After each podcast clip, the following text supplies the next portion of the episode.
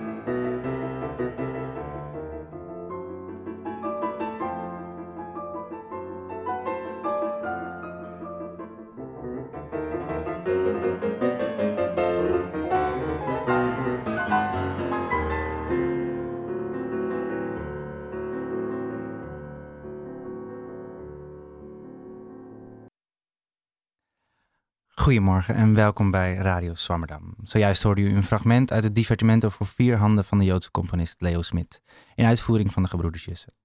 Leo Smit is een van de tientallen vervolgde Joodse Nederlandse componisten wiens muziek na de Tweede Wereldoorlog in vergetelheid raakte. Velen moesten vluchten of doken onder en een groot aantal van hen werd vermoord. Alleen al in Nederland zijn tenminste 35 componisten vervolgd en vergeten. Maar met de vervolging van Joodse componisten in de Tweede Wereldoorlog is meer verloren gegaan dan slechts het werk van individuele componisten. In haar promotieonderzoek kijkt Carina Alders naar de rol van vergeten componisten in het internationale muziekleven. Daarin komt zowel het leed van individuele levens naar boven, als de manier waarop de, oorlog haar sporen heeft nagelaten in de Nederlandse muziek, muziekhistoriografie. Mijn naam is Pelle Intma, naast mij zit Lilian Kingma. De gast is promoverend muzikoloog Carina Alders. Carina, welkom. Dankjewel. Jij koos voor dit stuk van Leo Smit. Kun je vertellen waarom? Ja, ik vind het uh, een van de mijlpalen uh, in het werk van de Leo Smit Stichting. Dat is voor, voor mij hoe de interesse in vervolgde componisten begonnen is. Uh, de Leo Smit Stichting is in 1996 opgericht door Eleonore Pameijer en Frans van Rut. En nu al 25 jaar zet zij zich in, Eleonore, voor deze muziek. En het feit dat Lucas en Arthur Jussen dit nu op CD hebben gezet, ja, dat is een feestje waard. Want dat betekent dat uh, Leo Smit terug is in de internationale belangstelling. Al een tijdje, maar, maar dit is weer zo'n mijlpaal die je dan graag viert. En het is fantastische muziek, dat is natuurlijk sowieso de reden. Ja. Wat kun je vertellen over het leven van Leo Smit? Um, hij is in 1900 geboren um, in Amsterdam.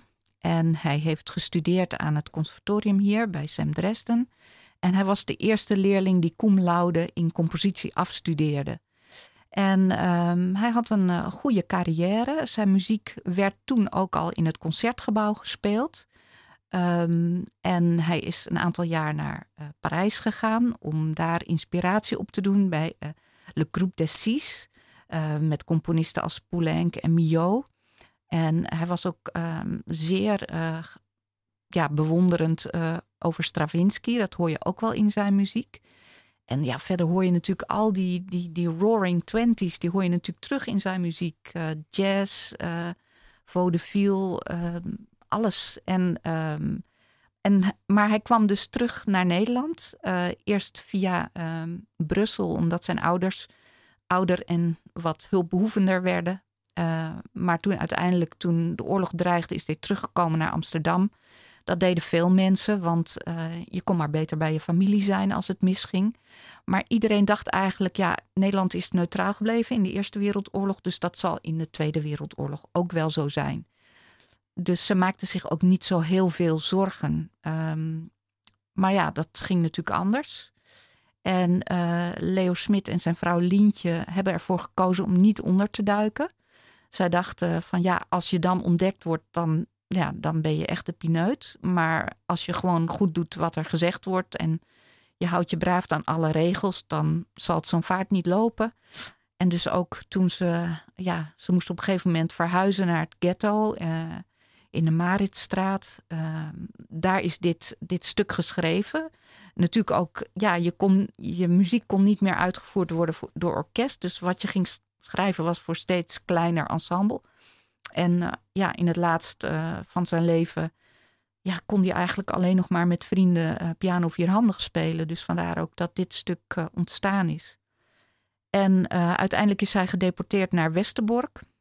En van daaruit naar Sobibor. En daar zijn Leo Smit en zijn vrouw vermoord.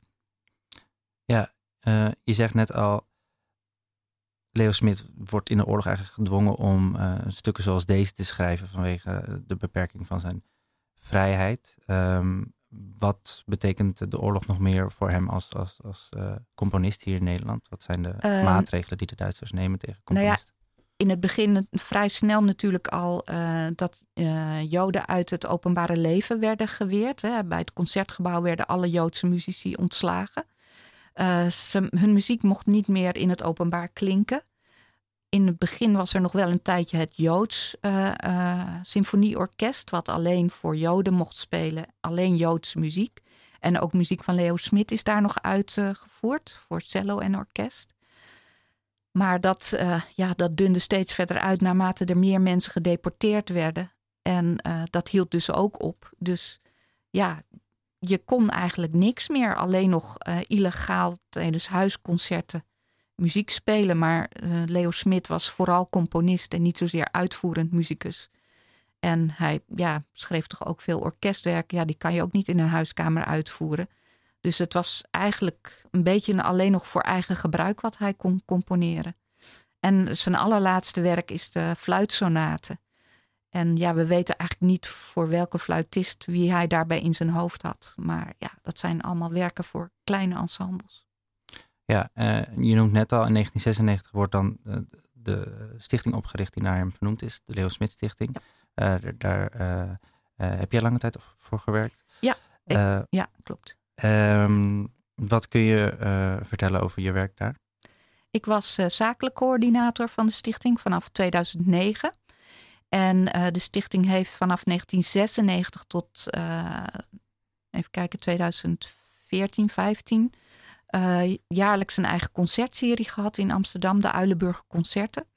En dat, die serie werd eigenlijk gebruikt om deze muziek opnieuw terug te brengen naar, naar het publiek. Dus heel veel werken die jarenlang vergeten zijn geweest. En ook daarvoor moesten we ook schatgraven in de archieven. Die dan weer eens voor het eerst klonken. En eigenlijk kun je muziek alleen maar goed beoordelen als het klinkt. Er zijn heel weinig mensen die vanuit een manuscript een oordeel kunnen vellen over muziek.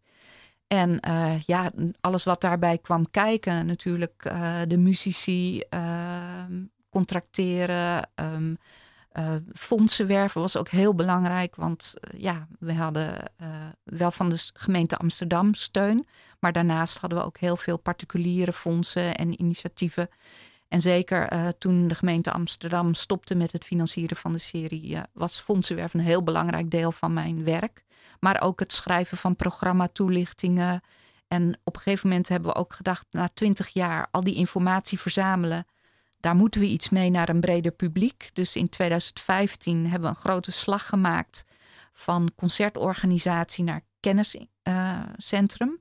En toen hebben we dus een boek geschreven over vervolgde componisten. Op dat moment hadden we er 35 in het vizier. Dus die hebben allemaal een soort korte biografie gekregen in dat boek. Tegelijkertijd was er een grote tentoonstelling in uh, het Stadsarchief in Amsterdam. En er is een uh, 10 CD-box uitgekomen met allemaal opnames uh, die we in de loop der jaren hadden gemaakt. En ja, tijdens dat werk, wat, wat, je bent natuurlijk een soort duizendpoot als zakelijk coördinator. Uh, je bent heel erg bezig met korte termijn en deadlines. En ik dacht altijd van, als ik nog eens meer tijd heb, dan wil ik dit uitzoeken. En dan wil ik weten hoe die, hoe die componisten in het, ja, in het muziekleven gefunctioneerd hebben. Wat was hun rol? En kenden ze elkaar? En ja, uh, hoe stonden ze in, in het muziekleven? En hoe kijken anderen naar hen? Maar ja, uh, in de waan van de dag en met alle deadlines die je hebt, komt die tijd er natuurlijk niet. En toen dacht ik op een gegeven moment, ja, als ik die tijd niet zelf maak, dan gebeurt dat nooit. Dus toen heb ik knoop doorgehakt en toen ben ik gestopt als zakelijk coördinator. Ik was zelfstandig muzikoloog, dus uh, ZZP'er. Dat was best wel een gok, want uh, dan valt toch een deel van je inkomen ineens weg. Maar ik dacht, ik moet het gewoon doen. Ik ga het gewoon doen en ik zie wel hoe het komt, uh, hoe het verder gaat. En toen uh, was er, uh, omdat het 75 jaar na de oorlog was, was er een, een subsidieronde bij het Mondriaan Fonds, waar je ook aan kon vragen voor onderzoek. En dat was als Leo Smit Stichting eigenlijk altijd heel erg lastig. Mensen wilden wel geld geven voor een CD of een, of een tastbaar iets, maar voor onderzoek, terwijl je dat natuurlijk gewoon nodig hebt om überhaupt iets te kunnen doen, wilde eigenlijk nooit iemand geld geven. En, en dit was de gelegenheid om daar een aanvraag te doen. Dus die heb ik als zelfstandige gedaan. En ik ben enorm blij dat dat toegekend is. Dus nu kan ik vier jaar lang uh, helemaal volledig aan dit uh, werk wijden. En ik dacht ook, ik, ik doe het als promovendus. Want dan heb ik ook een, ja, een soort begeleiding uh, om dat ook echt goed aan te pakken. En, en dan kan ik ook de, gebruik maken van de faciliteit van de Universiteit van Amsterdam. Dus uh, ja, dat heeft heel goed uitgepakt. Dus ik ben nu een jaar onderweg.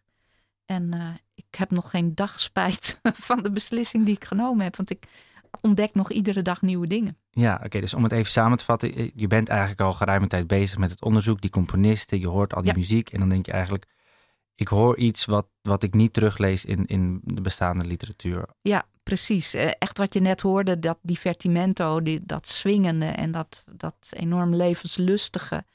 Maar ook andere dingen die ik in de loop der jaren gehoord heb. Zoals bijvoorbeeld uh, de muziek van Dick Kattenburg, die later nog voorbij gaat komen. Ik dacht, ja, dat is een soort clue, zou je kunnen zeggen, van, van een ander verhaal wat er te vertellen is over de jaren 1920, 1940. Want in de, ja, in de muziekboeken die er nu zijn, wordt toch vaak gezegd van ja, voor de oorlog, dat is allemaal ouderwets en een beetje muzikantesk en oudbollig. En ik dacht, ja, dat hoor ik helemaal niet in deze muziek. Dus er moet ook een ander verhaal te vertellen zijn.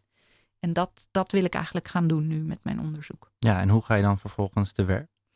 Um, aan de ene kant uh, door uh, biografisch onderzoek te doen. Dus te kijken um, hoe zagen die levens van die mensen eruit die, die we niet kennen. En ook welke mensen zijn er nog meer die we niet kennen. Want in dat boek staan er 35 maar ik heb nu al een les, uh, ja, lijst van 70. Ja. Je gelooft het niet. Daar komen er nog steeds bij. En, uh, dus, maar daar moet je dus onderzoek voor doen in de archieven. Maar het, ja, dan zou je zeggen, je kunt een biografie schrijven. Maar juist deze vervolgde componisten, daarvan is de informatie natuurlijk fragmentarisch. Uh, degenen die gedeporteerd zijn, hun huizen werden vaak geplunderd. En dan weet je niet waar de bladmuziek is gebleven. Uh, waardevolle dingen die werden naar Duitsland uh, getransporteerd. En soms kun je die nog wel terugvinden. Maar bladmuziek, ja, daar moet maar net een kenner een waarde van zien. Dus dat kan ook gewoon bij het grof vuil terechtgekomen zijn. En ook degenen die gevlucht zijn, hebben niet altijd alles mee kunnen nemen. Of wat ze wel mee konden nemen, is in het land van bestemming ligt ergens te verstoffen, omdat niemand weet of niemand kan lezen. Hè. Bijvoorbeeld Julius Heijman, die naar Amerika is gevlucht. Ja, zijn brieven in het Nederlands, die zullen mensen daar niks zeggen. Maar gelukkig is dat archief dus bijvoorbeeld door zijn weduwe teruggestuurd naar Nederland. Maar in Nederland wist inmiddels niet meer, niemand meer wie hij was. Dus ja, dat lag ook ergens bij de Koninklijke Bibliotheek op een plank. Het was niet eens geïndexeerd. En ik, ik zei, uh, ik heb daar een keer gevraagd van, jullie moeten dat archief hebben. Oh, is dat zo? Nou, dat was in coronatijd. Hij zegt, nou, zodra ik weer uh, naar het archief kan, zal ik gaan kijken. En ja hoor, daar was het. Dus ja, dat, dat zijn dingen, ja, dan moet je echt als een soort detective moet je daar uh, naar zoeken. En uh, ja, je, een, een biografie, dat is toch, aan de ene kant moet je gegevens verzamelen, maar aan de andere kant moet je natuurlijk ook um, een, een samenhangend verhaal vertellen. Dat is de andere helft van biografie. En dat lukt vaak in deze gevallen niet. Dus waar ik nu naar kijk is, uh, ik vlieg het vooral aan vanuit de netwerktheorie. Uh, hoe zijn deze levens met elkaar verknoopt? En uh, wat kun je daardoor zeggen over de rol die zij gespeeld hebben in het vooroorlogse muziekleven? Dus ja, dat, dat zijn twee, twee um, concepten, theorieën, methodologieën die ik gebruik in mijn onderzoek. Om tot een samenhangend verhaal te komen, niet van die enkele levens, maar van die periode in de muziekgeschiedenis. Ja, en uh, nou maak je bij die methodes ook gebruik, uh, of nou maak je ook gebruik van methodes uit wat je noemt digital humanities. Ja. Um, ja, wat houdt dat precies in? Ja, dat is natuurlijk iets van de laatste jaren. Als je kijkt naar het, het laatste overzicht van de muziek uit die periode, geschreven door Leo Samama. In 2006 is zijn tweede editie van het boek uitgekomen. En toen stond digitalisering nog in de kinderschoenen. Dus ja, hij, hij kon eigenlijk, hij heeft op dat moment het beste boek geschreven wat er geschreven kon worden. Maar inmiddels is er zoveel meer informatie toegankelijk. Neem alleen bijvoorbeeld Delver. Dat is de, uh, de digitale database van krantenarchieven van de Koninklijke Bibliotheek. Dat is echt een fantastische bron. Daar kun je full alle kranten uh, doorzoeken vanaf, ik geloof 1700 of zoiets. En voor mijn periode is, is daar een enorme schat aan informatie. Als je bijvoorbeeld intypt, nou ja, Leo Smit is een beetje een moeilijk voorbeeld, want dan krijg je natuurlijk ook ieder ander die Leo Smit heet. Maar als je uh, Daniel Belinfante intypt, dan krijg je enorm veel informatie over zijn muziek die misschien voor de radio is gespeeld, of uh, optredens die er zijn geweest, of zijn muziek die gepubliceerd is. Dus dat, ja, dat geeft een enorme schat aan informatie. En daarnaast zijn natuurlijk ook veel archieven gedigitaliseerd. Um, bijvoorbeeld over Julius Heijman. Ik vond uh, in de Bibliothèque Nationale de France vond ik een correspondentie van hem met een componist uit uh, Frankrijk, een uit Duitsland gevluchte componist, uh, Louis Saguer. En hij blijkt, blijft dus zijn hele leven met hem gecorrespondeerd hebben. En al die brieven zijn bewaard gebleven. En dan vraag je zoiets op en dan gaan ze, uh, gaan ze het scannen. En dan, ja, zonder dat je, je achter je bureau vandaan hoeft te komen, dan heb je ineens een enorme hoeveelheid informatie. Dat waren brieven in het Frans, gelukkig wel getypt. Dus dan kan je vervolgens uh, vanuit een PDF-bestand kun je een Word-bestand maken. En vervolgens kun je met Google Translate kun je dat ook naar het Engels vertalen. Dus ja, er zijn tegenwoordig zoveel technieken die je kunt gebruiken om uh, ja, informatie uh, ja, uh, toegankelijk te maken om ermee aan de slag te gaan, zeg maar. En ook die, die netwerkdatabase, dat is ook weer een, ja, een, een nieuwe ontwikkeling. Um, ik, ik voer al die gegevens over die componisten, die brieven en die optredens en, en die muziekstukken voer ik in in een database. En dan kun je ook weer visualiseren wie met wie contact had. En dat, uh, kijk, dat kun je wel als je drie of vier componisten hebt, dan kun je dat ook wel handmatig. Dan kun je ook zeggen, hé, hey, daar loopt een lijntje naar iemand anders. Oké, dat onthoud ik. Maar als je met 70 componisten werkt, dan is dat niet meer te overzien. En dan heb je die software nodig om te laten zien wie zit er centraal in het netwerk, wie speelt een rol van een brug naar een ander netwerk en dat soort dingen. Dus dat zijn allemaal technieken die nu de laatste tien jaar, zeg maar, in opkomst zijn, waardoor je heel andere dingen kunt ontdekken uit die tijd. Ja, dus er valt veel meer te ontdekken met nieuwe absoluut, technologie. Absoluut. Uh, we hadden net ook al even over de problemen waar je tegenaan loopt als je iemands leven probeert te reconstrueren en het belang van de biografie voor jouw onderzoek. Um, maar hoe schrijf je nou een biografie die aan de tijd van nu voldoet? Ja, dat, dat is in dit geval dus heel lastig. Uh, en je zegt ook heel terecht, die aan de tijd van nu voldoet. Een biografie is natuurlijk altijd enerzijds gaat over de gebiografeerde.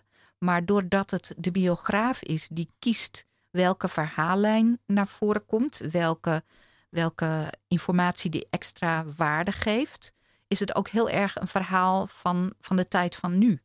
Uh, bijvoorbeeld, het fascineert mij ook. Waarom ben ik nu geïnteresseerd in de muziek van Leo Smit en zijn tijdgenoten?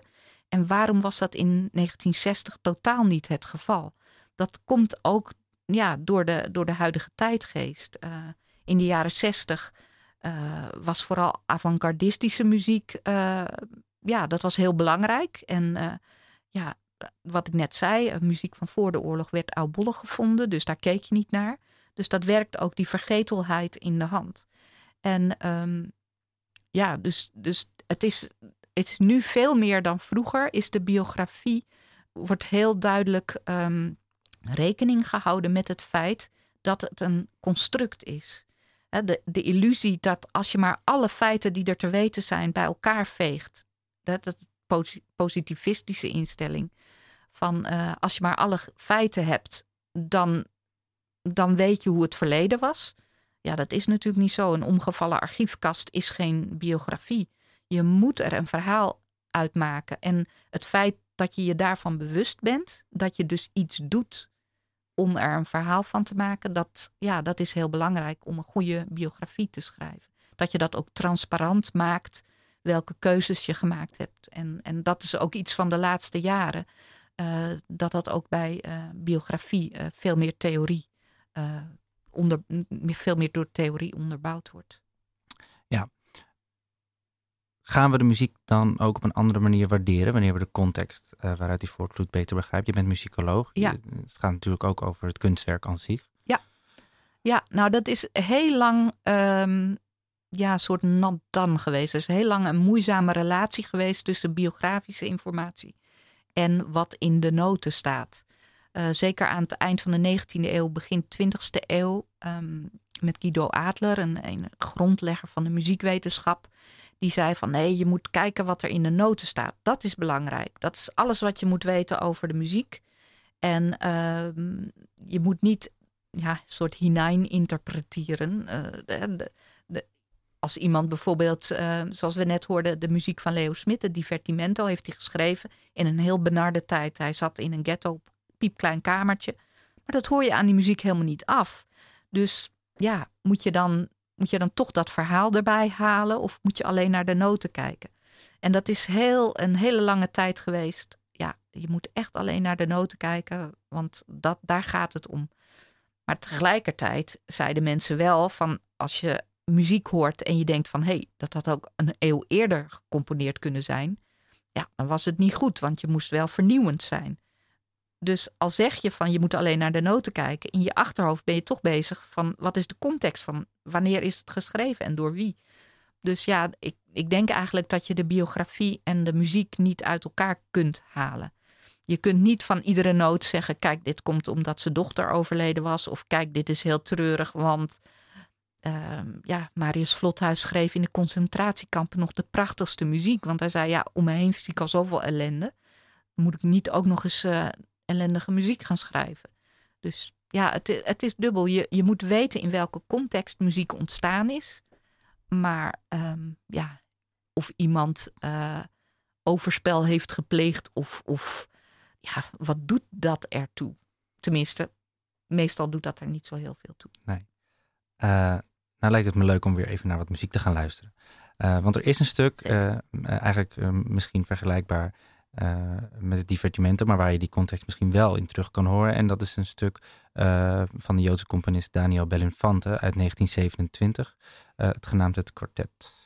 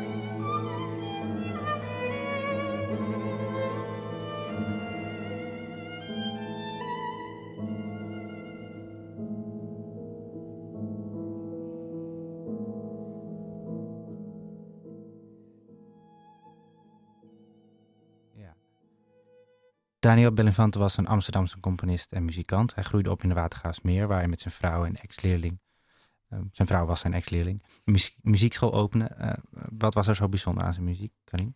Nou, ik, wil eerst nog even zeggen wat we net hoorden. Dat is een opname van uh, muzici van het Radio Philharmonisch Orkest. Dat is heel bijzonder, want die muziek heeft echt 80, 90 jaar niet geklonken. En bij de radio in coronatijd hebben ze een project bedacht om deze muziekschatten die nog in de bibliotheek van het archief van de omroep lagen, om die weer tot klinken te brengen. En uh, ja, uh, wat, sorry, wat was je vraag? Ja, uh, wat er zo bijzonder aan zijn, zijn muziek. Ja, nou, ik vind dit is dus een voorbeeld van muziek die totaal niet oudbollig of, of spruitjeslucht of wat dan ook, of muzikantesk is. Dit is gewoon puur avant-garde muziek. Uh, dat vinden we zelfs nu nog modern als je het hoort. Uh, en ja, dat, dat is dus muziek die je helemaal niet zou verwachten uit die tijd. En Daniel Belinfante is ook iemand die, uh, ja, die nauwelijks voorkomt in de geschiedschrijving over die periode. Ja, even, je zegt muziek die we nu nog modern zouden kunnen noemen. Dat komt onder andere doordat het een bitonaliteit in zich heeft. kun je uitleggen waar, waar die vandaan komt en, en, en ja, wat dat precies is? Um, is ook heel frappant in dit stuk. is, moet een van de strijkers moet één snaar verstemmen. Dus uh, die klinkt anders dan anders. En degene die dat gespeeld heeft, die, die moest daar ook echt weken aan wennen. Want die moest tussendoor natuurlijk ook andere dingen spelen. Dus had een tweede viool met een ontstemde snaar, om het zo te zeggen. Dus dat geeft een heel vervreemdend effect. En die bitonaliteit, dat is dat je meerdere toonsoorten, bi, twee toonsoorten, door elkaar hoort. En dat was ook in die tijd um, in de avant-garde heel gebruikelijk. Um, men was heel erg op zoek naar een eigen Nederlands karakter van de muziek. En um, omdat de muziek natuurlijk in de 19e eeuw enorm gedomineerd werd door de Duitse stijl. als, je, als je muziek wilde gaan studeren, dan ging je naar Duitsland. En uh, daar werd je opgeleid. En alle belangrijke posities werden ingenomen door mensen die in Duitsland waren opgeleid of, of zelfs in Duitsland geboren. En in het begin van de 19e eeuw werd gezocht naar een, een nieuwe eigen stijl voor de Nederlandse muziek. En dan werd er ook teruggekeken naar de Vlaamse polyfonisten of de, de, uh, de lage landen, zeg maar de Nederlandse polyfonisten uit de 15e en 16e eeuw. En in die tijd uh, werd muziek veel meer vanuit de melodie gecomponeerd. En meerdere melodieën samen, als die samenkomen, krijg je samenklanken die lang niet altijd in één toonsoort passen. Dus vandaar dat de bitonaliteit ook in die tijd werd er enorm mee geëxperimenteerd. En Daniel Belifante deed dat dus ook. Ja, en hoe? Ja. Uh, prachtig. Wat gebeurde er uh, na de oorlog met zijn werk? Uh, Belifante die is, die zat ook in het verzet. Hij was Joods en terwijl hij ondergedoken was, hielp hij ook andere onderduikers.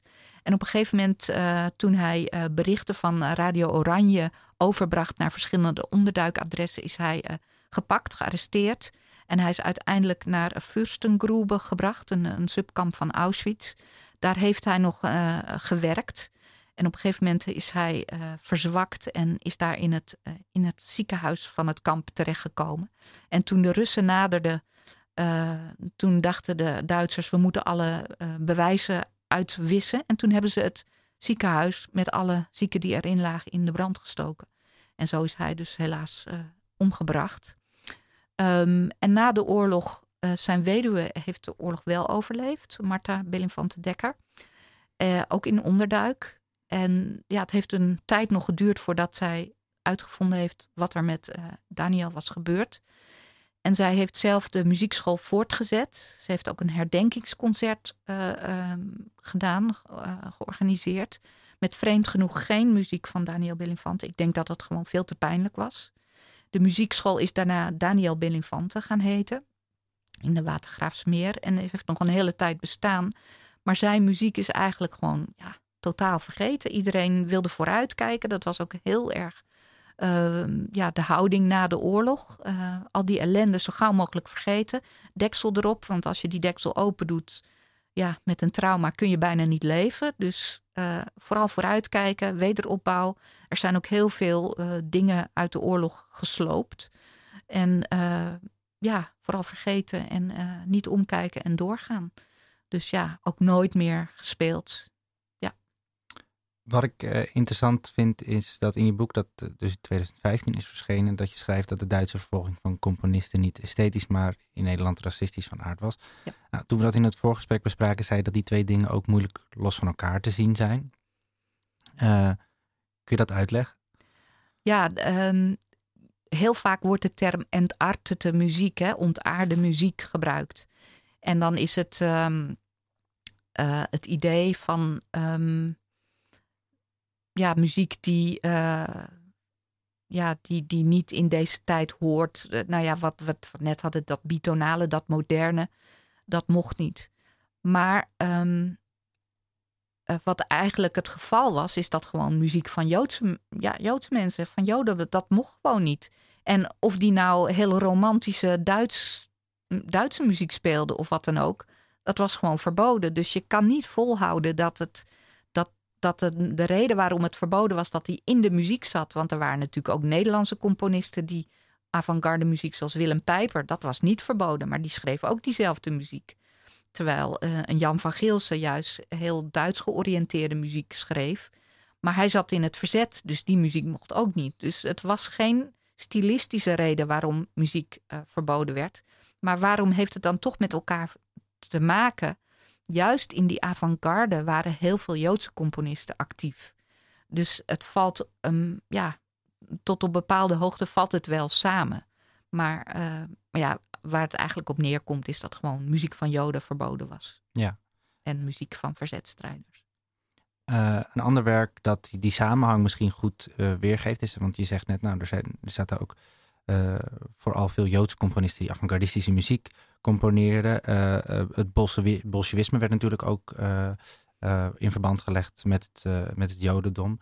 Um, dus het is misschien leuk om naar muziek van Israël Olman te gaan luisteren. Um, hij schreef het stuk De Strijders voor het werk De Stem des Volks.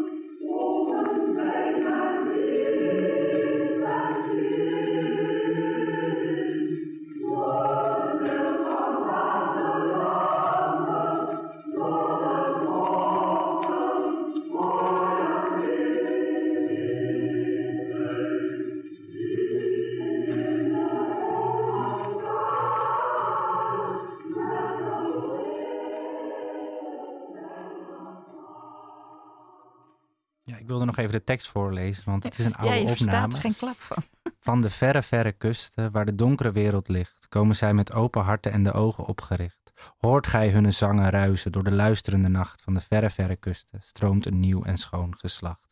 Niet van koningen geboren, maar in hutten grootgebracht, zijn ze sober als de berken en de eenvoud is hun kracht. Met hun jonge, sterke armen vatten zij het leven aan. Vrijheid ligt voor alle zielen, om tot schoonheid op te gaan. Duidelijk het socialisme uit die, ja, die tijd, zou ik zeggen. duidelijk, ja. Uh, dit heb je ook uitgekozen. Waarom wilde je dit ook laten horen? Ja, nou ja, dit is ook weer iets van deze tijd. Het staat dus gewoon op YouTube. Dat is een opname van zijn oude bakkeliet uh, 78 toerenplaat. Vandaar ook uh, de slechte kwaliteit. Maar dat is dus ook muziek. Dat was, dat was een enorme wereld, die socialistische koren. Wat ook weer een overlap had met de Joodse wereld. Want de eerste vakbonden zijn ook door Joden opgericht. Uh, denk maar aan Henry Polak. En, uh, en dat was dus een enorme beweging. En Israël Olman, Israël was daar echt een hele grote meneer. Uh, bij zijn jubileum ehm, was in het concertgebouw een groot orkest met 400 zangers. En, en ja, hij had de Arbeiderssymfonie geschreven, dat werd uitgevoerd. En dat was dus dit soort muziek. En, uh, en s'avonds uh, was een enorme obade bij zijn woonhuis. Waar echt vaandels en een optocht door de straat uh, trok. Dat kun je je nu niet meer voorstellen. En, en dat was dus ook een onderdeel van de, van de Nederlandse muziekgeschiedenis. Die eigenlijk nauwelijks belicht is. En, en die ook na de oorlog compleet verdwenen was. Want een enorm deel van zijn achterban was er dus gewoon niet meer. Al die Joodse koren, al, al die koren van Stem des Volks. Ja, dat is na de oorlog nooit meer zo groot geworden als het voor de oorlog was. Dus dat is ook een, een aspect. Uh, en het is ook zo dat uh, dit soort componisten, um, die werden door um, ja, door de geschiedschrijving niet erg serieus genomen. In 1923 schreef Sam Dresden, uh, zelf componist en directeur van het, uh, van het Conservatorium in Amsterdam, schreef een overzichtswerk van componisten in die tijd. En hij zei in zijn voorwoord: ja, componisten die voor koren schrijven en pedagogische werkjes en uh, componisten die voor de uh, harmonie en fanfare schrijven uit de militaire traditie, die laat ik buiten beschouwing. Want dat is een wereld op zich. En ja, dat, dat heeft niet echt veel met het muziekleven of de ontwikkeling van composities te maken. Dus dat is ook een grote groep Joodse componisten, juist ook in die hoek waar veel Joodse componisten, die eigenlijk uh, buiten de geschiedenis zijn gebleven, maar die dus ook een belangrijk deel uitmaken van het muziekleven voor de oorlog. En daarna dus ook totaal vergeten zijn. Ja, ja. Uh, historisch gezien dus uh, uh, een vergeten groep. Maar ja. um, waar we het in ons voorgesprek ook al over hadden.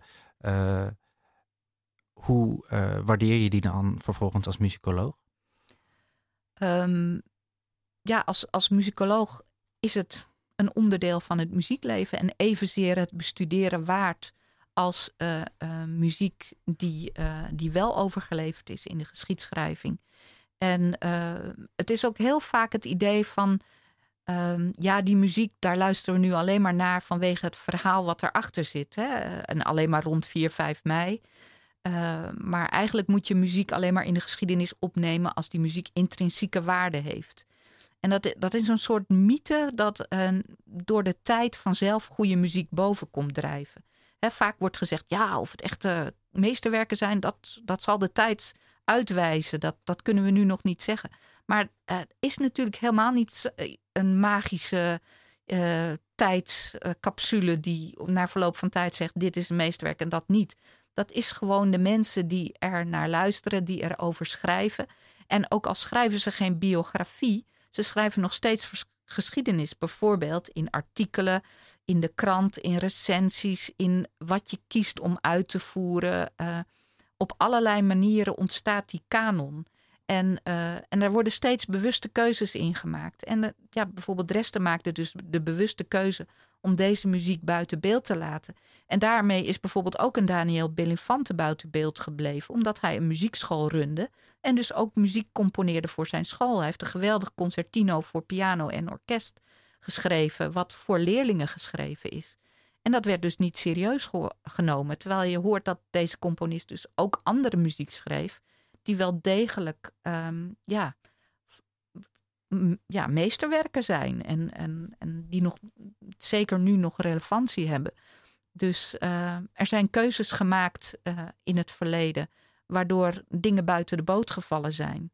En uh, ik, ik probeer nu gewoon al die dingen weer boven water te halen en daar nu met een open blik naar te kijken ja, en laat het, laat het publiek nu maar beslissen wat wel en niet de moeite waard is. Ja, en, en, en ik denk ook te laten zien waarom die keuzes in het verleden uh, wel anders gemaakt zijn. Ja, ik, ik, het fascineert mij hoe, hoe, die, uh, hoe die keuzes tot stand zijn gekomen. En welke, uh, welke dingen er onder tafel gevallen zijn. Ja, een andere componist waar je naar wilde luisteren was Samuel Schuijer. Ja. laten we even naar zijn vioolsonate luisteren.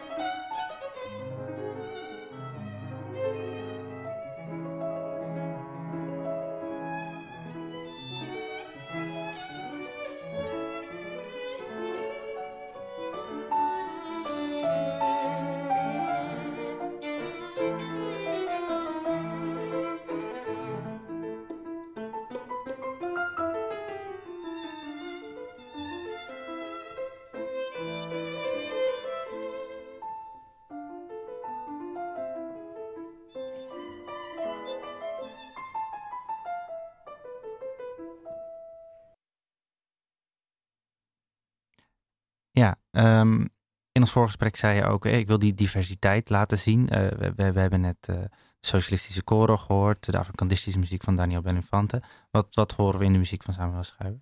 Ja, dat is eigenlijk op en top romantiek. Um, Samuel Schuijer, um, die had ook een eigen muziekschool.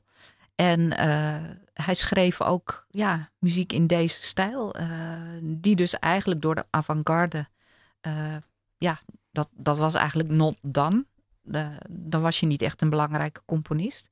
Maar uh, ja, het, is best heel mooie muziek. Overigens uitgevoerd hier door Ursula Schoch op viool en Marcel Worms op piano. Het is een live opname uit de Eilenburger Concerten. En uh, ja, het is een totaal andere, andere stijl. En ja, gelukkig mag het nu naast elkaar bestaan. Ja, um, waar we het nog niet over hebben gehad is de componisten die in de oorlog met de Duitsers collaboreerden. Um, na de oorlog, een, een deel van de uh, vervolgde componisten overleefde de oorlog niet. Er zijn er ook een aantal geweest die de oorlog wel hebben overleefd. Uh, en die daarna ook in speciale muziekcommissies terechtkomen. Wat, wat gebeurt er in, in, in die periode net na de oorlog? Ja, dat is de periode van de zuivering. Hè. Al in de oorlog waren er verzetsmensen, ook componisten, die bedachten hoe moet het verder als deze oorlog voorbij is. En uh, wat moeten we dan doen met componisten die uh, gecollaboreerd hebben of in ieder geval zich niet verzet hebben. Die zich bijvoorbeeld ingeschreven hebben bij de cultuurkamer of die uh, voor de nazi's hebben opgetreden of, of voor de radio gewerkt hebben die onder leiding stond van, van de bezetter. En um, een van de componisten die daar mee bezig was, was Bertus van Lier. Hij was zelf al heel vroeg in het verzet. En ook Johanna Bordewijk, die ook heel koppig zich niet heeft ingeschreven bij de uh, cultuurkamer. En dus ook in de oorlog uh, haar muziek niet wilde laten klinken. De cultuurkamer, wat was dat precies? Um, dat was een, een organisatie die door de bezetter was ingesteld. Daar moest je als muzikus ingeschreven zijn of als componist, anders mocht je niet werken. Maar je kon je alleen inschrijven als je een Arierverklaring ondertekende. Dus Joden en halfjoden mochten ook geen lid worden van de cultuurkamer. Um, maar ja, uh, heel veel mensen, voor heel veel mensen was het heel moeilijk om die keus te maken. Want ja, als je een gezin hebt en er moet brood op de plank.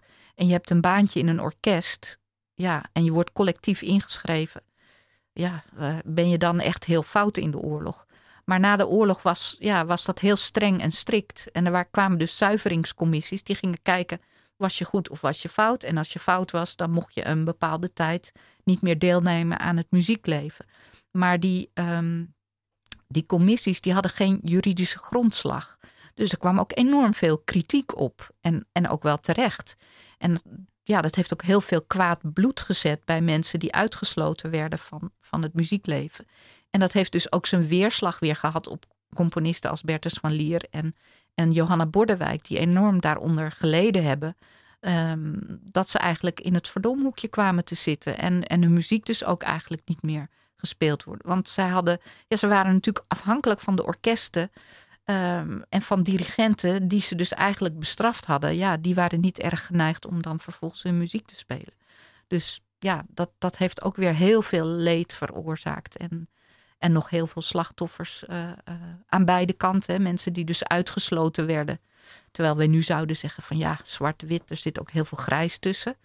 En ook mensen die dus een oordeel geveld hebben en daardoor weer uitgesloten werden. Ja, misschien reden te meer om na de oorlog gewoon maar niet meer aan de muziek van voor de oorlog te denken en vooruit Nou, te precies. Dat, dat is ook een reden geweest om, uh, om alles te vergeten. Ja. Um, ik wil nog even terug naar je onderzoek nu. Ja. want je zegt, ik ben inmiddels al uh, met een lijst bezig waar, waar zo rond de 70 componisten om, op staan. Dat, dat zijn er behoorlijk veel meer dan nu. Ja.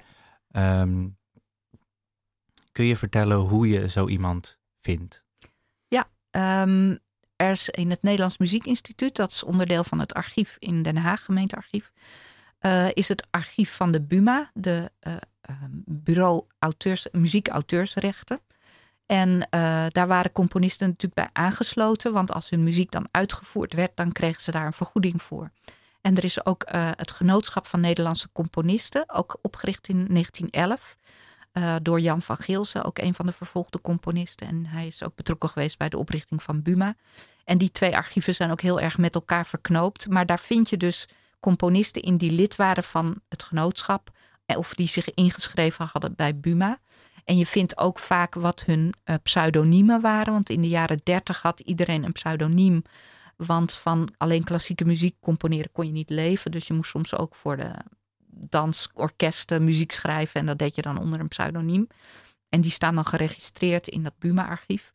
En dan vind je dus ook namen ja, die ik eerder nog niet op het spoor was gekomen. Zoals Philip Flessing, ook een componist die, die ook muziek voor harmonie en fanfare, maar ook onder het uh, pseudoniem Jack Bottle, ook muziek voor de radio, Flessing Bottle, heel origineel, voor de radio componeerde. En dan denk je, oh, maar dan kan ik dus ook bij het archief van de radio, muziekschatten.nl, ook weer een digitale bron, uh, waar enorm veel muziek is gedigitaliseerd uit die periode. En inderdaad, daar vond ik ook weer muziek van Jack Bottle. En uh, ja, dus op die manier vind je, vind je allerlei namen. En dus ook natuurlijk in Delver, de krantenbank daar, uh, en je komt ook, um, als je dus um, uh, concerten invoert van componisten die je al gevonden hebt. Die uh, op datzelfde programma staat dan ook weer werk van andere componisten. En zo vind je ook weer nieuwe namen. Of er zijn uitvoerenden bij die ook componeren. En ja, op die manier vind, wordt de kring steeds groter. Dus dat is nu een beetje de fase van mijn onderzoek. Ik probeer, probeer nu de netten wat wijder uit te gooien om te kijken wat is er allemaal nog meer wat, wat aan ons oog en oor ontrokken is. Ja, nou super interessant. En ik ja. kijk heel erg uit naar wat dat uiteindelijk op gaat leveren. Ja. Um, we zijn bijna aan het uit, uh, einde gekomen van uh, deze aflevering. en ik wil graag afsluiten met muziek van Dick Kattenburg. Um, voordat we naar zijn muziek gaan luisteren, lijkt het me leuk om even iets over zijn leven te vertellen en, en ja. wie hij precies was. Ja, en, en over hoe, hoe we zijn muziek op het spoor zijn gekomen. Want dat is ook een bijzonder verhaal. Eleonore Pameijer als fluitiste was dus timmerde aan de weg met de Leo Smit Stichting. En die concerten werden ook op, op de radio uitgezonden, op Radio 4. En iemand die dat concert hoorde was Joyce Bergman. En zij is een nichtje van Dick Kattenburg, een dochter van de zus van Dick Kattenburg. En uh, zij hoorde die muziek en zij dacht: hé, hey, mijn moeder heeft op zolder uh, een, doos met muziekpapieren. En volgens mij is dat dus van Dick Kattenburg. Maar ja, we hebben daar nooit naar gekeken. Was ook te pijnlijk. En die heeft die doos van zolder gehaald en contact opgenomen met de Leo Smit Stichting. En die muziek is doorgespeeld. En dat bleek dus fantastische muziek te zijn. Maar ja, Dick Kattenburg, geboren in 1919, die was pas, pas 20 toen de, toen de 21 toen de oorlog uitbrak. Dus hij was nog helemaal aan het begin van zijn carrière. Hij had nog geen, geen orkestwerken geschreven. Ehm, zijn muziek was nog bijna niet in de openbaarheid geweest. Hij schreef voor vrienden en hij schreef in eigen kring. Heel veel van zijn muziek schreef hij tijdens de, de oorlog in de onderduik. En dus hij had nog helemaal geen carrière. Dus uh, hij komt ook nauwelijks voor. Ik heb één recensie gevonden van een, uh, van een concert bij zijn leermeester Hugo Godron. Een soort huisconcert. Waar zijn nieuwe talent werd voorgesteld. En dat was dus een, een journalist die verslag heeft gedaan. Maar dat is het enige. En dus ja, hij is, uh, in, hij is wel ondergedoken geweest in de oorlog. Op verschillende adressen werd steeds verraden. En uiteindelijk um, is waarschijnlijk het verhaal, dat gaat in de familie, dat hij naar de bioscoop wilde en, en tijdens een razzia opgepakt is. En hij is dus uh, naar Auschwitz getransporteerd. Hij heeft vanuit Westerbork nog wel een briefje naar een oom en tante kunnen sturen. Maar in Auschwitz is hij vermoord. Dus ja, en zijn muziek is echt een enorme ontdekking. Ja, ja het, is ook nog onwaarschijnlijk hoe hij nog tijdens zijn onderduiken les heeft gehad van de Leo ja, van Leo Smit. Ja, ja, ja, In het begin vermoedelijk zijn ze nog wel bij elkaar geweest. Maar toen Leo Smit in het ghetto woonde en, en Dick Kattenburg in onderduik zat. Ja, toen kon dat niet meer. En toen hebben ze schriftelijk lessen voortgezet. En uh, Dick Kattenburg componeerde dan, het waren vooral instrumentatielessen. Dus hij nam dan bestaande melodieën en schreef daar orkestpartijen bij. En dan ging dat per koerier naar Leo Smit. En die schreef er dan in de kantlijn allerlei opmerkingen bij. Bijvoorbeeld uh, Dick Kattenburg, die had op een gegeven moment een, een soort baspartij erbij geschreven. En hij zei, zullen we dit met contrabas doen of beter met trombone? En Leo Smit schrijft dan in de kantlijn... Nou, uh, contrabas, cello lijkt me wel prima, want trombone, dan is het net of je een olifant door de porseleinkast hoort stampen. Nou ja, zo ging dat dan over en weer. En dat is gelukkig dus bewaard gebleven in, in dat uh, archief wat bij, uh, wat bij de, de, het nichtje van die Kattenburg uiteindelijk beland is. ja, nou daarmee zijn we aan het einde gekomen van de uitzending van, van deze uitzending van Radio Zwammerdam op Radio Salto. Uh, we hadden het vandaag over vergeten en vervolgde componisten in Nederland tijdens de Tweede Wereldoorlog. En um, we spraken het gat dat uh, de oorlog naliet in de Nederlandse muziekhistoriografie. Dat deden we met uh, muzikoloog en um, promovendus Carine Alders. naast mij zat Lilian Kingma. De techniek was vandaag in handen van Teuntje van Hezen. Ehm, deze en andere uitzendingen kunt u terugluisteren als podcast op onze website radioswammerdam.nl en zijn ook te vinden op Spotify, Soundcloud en iTunes. Live luisteren kan natuurlijk elke zondag om 11 uur. Uh, wilt u reageren, dan kan dat op uh, Instagram, Facebook of Twitter. Mijn naam is Pelle Intma en ik was uw presentator voor vandaag. Um, nog één vraag. Uh, mag, ik, mag ik nog één tip ja. geven? Oh, ja.